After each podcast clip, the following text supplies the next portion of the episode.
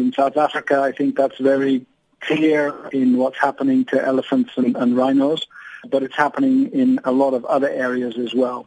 The, the WJC, the Wildlife Justice Commission, starts with, with a problem. The problem being that poaching uh, of wildlife, uh, wildlife crime is in uh, many respects running totally out of control.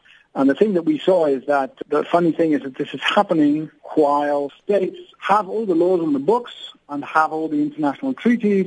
So, I mean, if you look at the, at the law books, there really isn't any reason why they shouldn't be using the law to deal with this problem. Miller sê wat mense nie besef nie is dat die onwettige handel in diereprodukte hand aan hand loop met ander misdade soos geldwasery, dwelmhandel en terrorisme. It's really very simple. We are on the one hand a very innovative investigation capacity and the second part of our uh, of our work is that we are an innovative validation process. On the investigation side, uh, we work very closely, and we've we've actually built this investigation capacity very closely with a number of NGOs that are already active in the field in quite a few countries doing investigations into wildlife crime. When they've done their investigations into certain criminality, they go to the local prosecutor and they, they, you know, they tell him or her, say, you've got to do something, we've prepared this case file, here it is.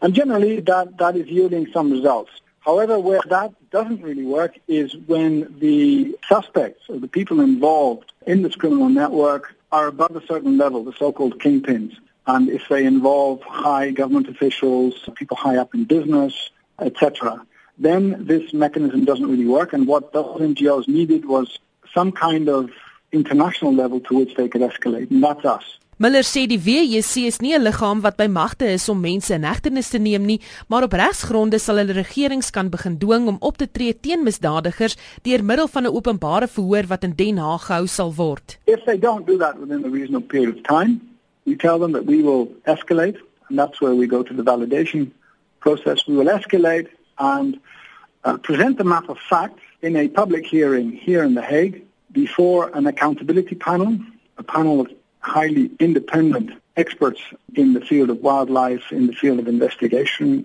and with the uh, recommendations of the accountability panel, we will then uh, engage in, in lobby activity to, if necessary, get people on blacklists, sanctions lists, Miller sê verder dat dit tyd geword het om regerings verantwoordelik te hou vir hulle eie wetgewing wat betref omgewingsbewaring. Hy sê dit is duidelik uit statistiek dat omgewingsbewaringsprojekte soos dit nou geïmplementeer word, nie werk nie. I think political will and capacity are two important things. And uh, of course, the issue of wildlife crime is driven by, by a lot more. It's driven by issues like corruption.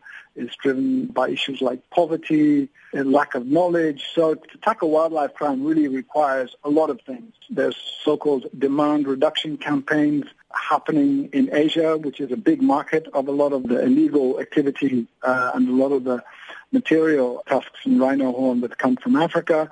So that's also important. Uh, dealing with corruption is important. It's a very complex issue.